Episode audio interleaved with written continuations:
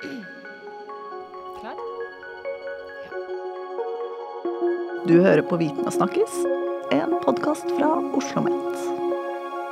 Da ønsker jeg velkommen til en ny episode av podkasten Viten og snakkes. Eh, jeg sitter fortsatt hjemme i, eh, på soverommet mitt med dyne rundt meg, eh, og framfor meg på en dataskjerm så sitter jeg og ser på Kai André Fegri. God morgen, Kai. God morgen. Du sitter hjemme òg? Ja, ja, ja. Vi jobber hjemmefra nå, vet du. Sånn er det blitt. Altså, jeg har vært ute og kjørt bil med deg. Jeg, det, det, er noen år siden nå, men vi lagde en podkastepisode om, eh, om, det og, om, om bilkjøring og, og, det at vi utdanna sjåførlærere hos oss på Oslo OsloMet. Det stemmer. Husker, jeg husker jeg var litt spent, da, men du ga meg godkjentstempel etter den, eh, den, kjøreturen. Ja, du tok det som en førerprøve, ja? ja, jeg valgte å gjøre det, vet du. ja. Nei da, det gikk veldig fint. Vi snakka mye om atferd og litt planlegging og sånn den gangen, husker jeg. Ja, det stemmer. Du, eh, nå er det koronatider. Eh, mange jobber hjemme, sånn som oss. og Ungene er ikke på skolen, og det jeg har lagt merke til ute i trafikken, er at det er mange biler med en rød L bakpå som kjører rundt. Og jeg tipper det er derfor mange som nå nytter tiden til å eh, øvelseskjøre med barna sine. Har du sett det, du òg? Ja, og Særlig på trafikkstasjonen så har jeg sett at det har vært yrende, et yrende liv, altså ikke av de ansatte, men av de som trener på parkering ja. og sånne ting ute på plassen. ja, nettopp. Men du, da lurer jeg på, for jeg, Om ett år så skal jeg ut og kjøre sjøl med min, min eldste. Eh, og jeg må innrømme at jeg er litt grann spent eh, på den, eh, den, delen der. Eh, har du noen gode råd til foreldre som skal ut og øvelseskjøre med, med ungen sin? Ja, eh, For det første så må vi legge vekt på at vi må ha sånn eh, perspektiv på å ha god stemning. Og folk, ja, som, folk som er livredde, de har eh, på en måte ikke noe særlig god stemning inni seg. Så, så vi, må, vi, må, prøve å ha en rolig innføring, liksom. Sånn at vi får til en, en, god stemning, rett og slett. God stemning er en god start på det hele. Ja.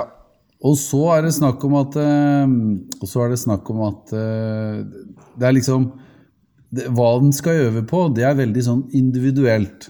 Så da, da lønner det seg å snakke med en trafikklærer. Eller hvis poden da, har begynt å kjøre fra før og har en relasjon til en trafikklærer, så går det an å spørre trafikklæreren hva det er lurt å øve på.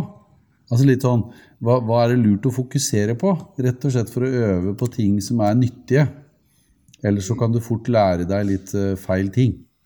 Hvis du ikke har begynt med kjøretimer, så kan det jo hende at du har en relasjon til den trafikklæreren du hadde trafikal grunnkurs sammen med. Og da kan du spørre den personen. Så, så, så du får liksom sånn, litt sånn råd og tips på veien, egentlig. Og hvis, hvis, du føler at du har litt kontroll, så er det Det er med på å bygge den gode stemningen, vil jeg påstå. ja, ikke sant? Ok, Så, så snakke med, med, med, med, en kjentmann egentlig om, om hva, en skal, hva, en skal, øve på der. Hva er det ofte, en, hvor det ofte skal begynne hen som, uh, hvis en skal ut og kjøre med ungene sine? Hva er det normale å øve på først? Altså, det, det, I utgangspunktet så er det, det viktigste det er å ha et rolig trafikkmiljø. Det kan være en sidegate i et bomiljø med lite fotgjengere, selvfølgelig.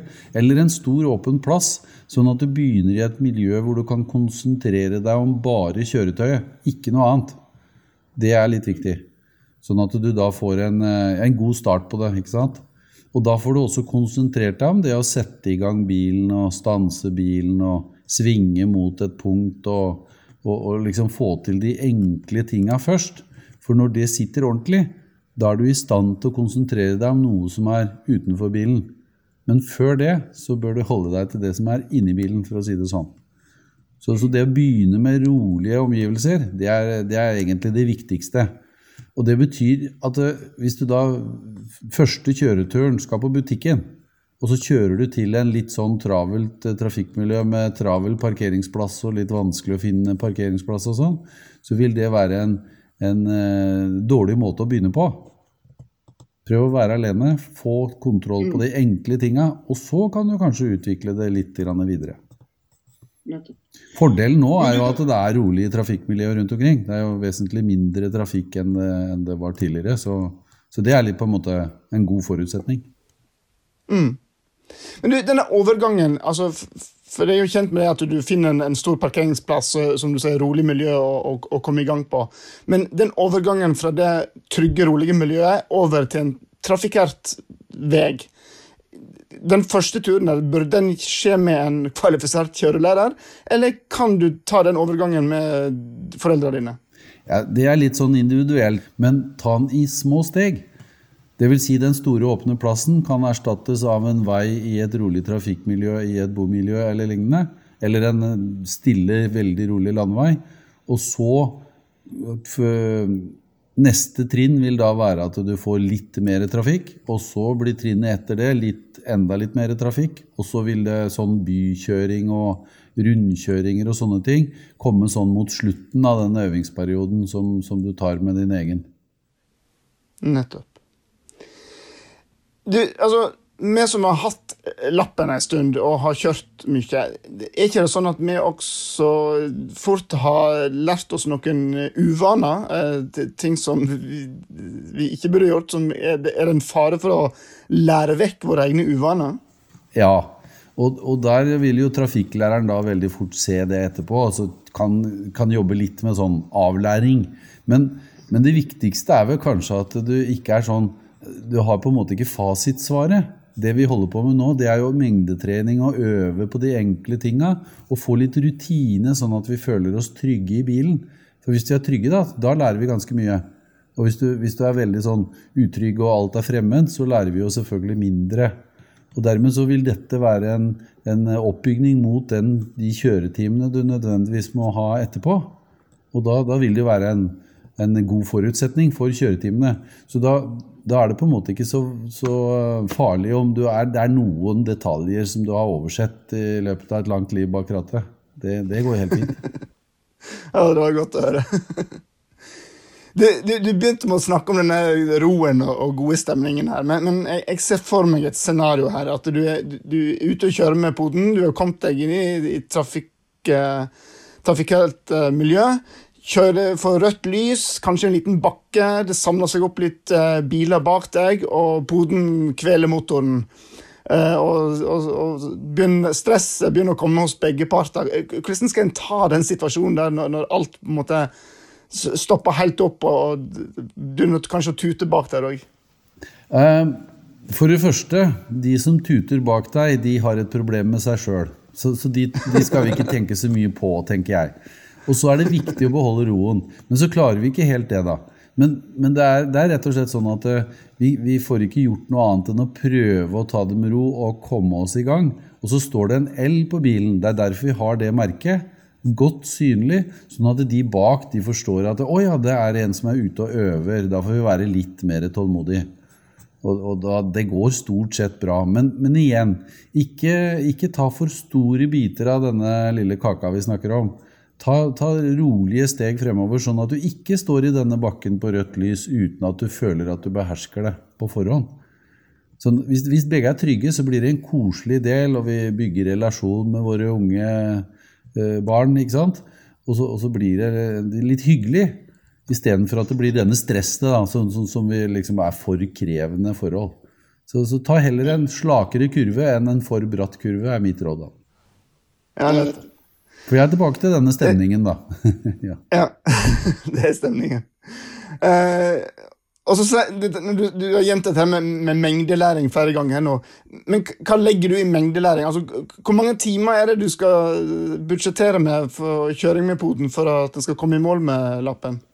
Ja, altså, Vi har jo et mål. Det er litt vanskelig å, å nå måla alltid, men, men, vi har jo et mål om at hver elev skal kjøre minst 140 timer med sine håpefulle, han har sagt, eller med sine foreldre eller nærstående, mm. før de avlegger førerprøve, for å få denne rutinen og få liksom den trafikksikkerhetstankegangen ordentlig inn i ryggmargen. Eh, det er ikke alltid vi når det målet, men alt over det er jo bare av det gode. Men 140 timer det er ganske mye. Mange timer bak rattet. Ja, og det er nettopp derfor. Så, så det, er, det, er, liksom den rutinen du da får, og den tryggheten og Tenk deg at hjernekapasiteten da kan brukes til å, å, å kjøre i samhandling med de andre. Istedenfor å tenke på at nå girer jeg, nå kløsjer jeg osv. Så, videre, så vil du da bli en mye mer trafikksikker sjåfør. Og så forstår du risikoen. Det er, det er mye, det òg.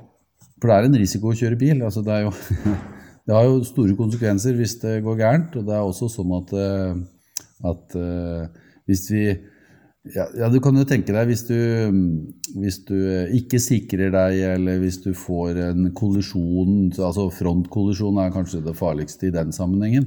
Men også kjøre ut av veien. altså Det er mange mange sånne forhold som, som kan bli farlige, da, hvor du blir skada.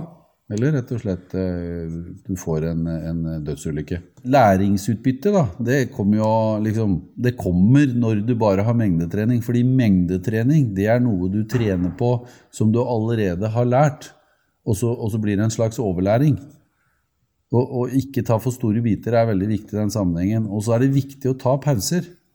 Ta hyppige pauser. Snakk litt om hva som har skjedd. Kanskje ikke lage fasitsvar, men prøve å og så tenke igjennom hva som kunne ha vært gjort annerledes i de forskjellige situasjonene i trafikken. For da, da, blir en, eh, da blir det en læring av det. Og så blir det hyggelig læring. Det er jeg litt opptatt av. Og så er det anstrengende å konsentrere seg om noe så vanskelig som å kjøre et kjøretøy. I dette tilfellet en bil. Er, eh, vi må tenke at vi som har kjørt i 30-40 år og, og, har eh, både gode og dårlige ferdigheter, for å si det sånn, vi, vi, gjør det automatisk, men tenk på unge, det unge mennesket som gjør det for første gang, som må konsentrere seg hele tida. De, de, har en uh, formidabel oppgave, og dermed så må vi liksom prøve å ta pauser og prøve å liksom tenke gjennom ting, sånn at vi får At det ikke bare blir, uh, bare blir anstrengende, liksom. Og hvis en hoppefølger føler mestring, så er, jo, så er jo målet nådd, egentlig. Og så får vi den gode stemningen igjen, da. Ja. Du, noen praktiske spørsmål. Eh, automat eh, versus eh, manuellgir nå. Hvis en, hvis, en har en, hvis en har automat hjemme, burde, en oppsøke en manuellgir og, og, få trening på det òg, eller hvordan tenker du om det? Nei, Det er helt avhengig av hva du vil sjøl. Altså, veldig mange vil ha manuelt gira førerkort, for å si det sånn. Førerrett på manuelt gir. Og, og, da må du jo trene med manuelt gir. Men det er ingenting imot å trene, eller veien for å trene med automatgir. Og så kan du bygge på med det manuelle giret etterpå. For da kan du også tenke deg det at eh, den eh, motbakken du snakka om, og det røde lyset Da slipper du den utfordringen. Da vil du lære deg å kjøre bil, manøvrere bil. Du lærer deg litt mer trafikk og, og behandle og samhandling i trafikken før du begynner å konsentrere deg om kløsj og gir. Så det kan være en naturlig progresjon, at du tar den girtreninga mot slutten. Og så avlegger du en førerprøve med en, et gira kjøretøy, og da har en trafikklærer som har lært deg, lært deg det, det, vesentlige mellom der, så, så, vil du jo ha en uh, veldig god progresjon. Så det er ikke noe vits å begynne med manuelt. Er det andre ting vi burde komme inn på, Kai?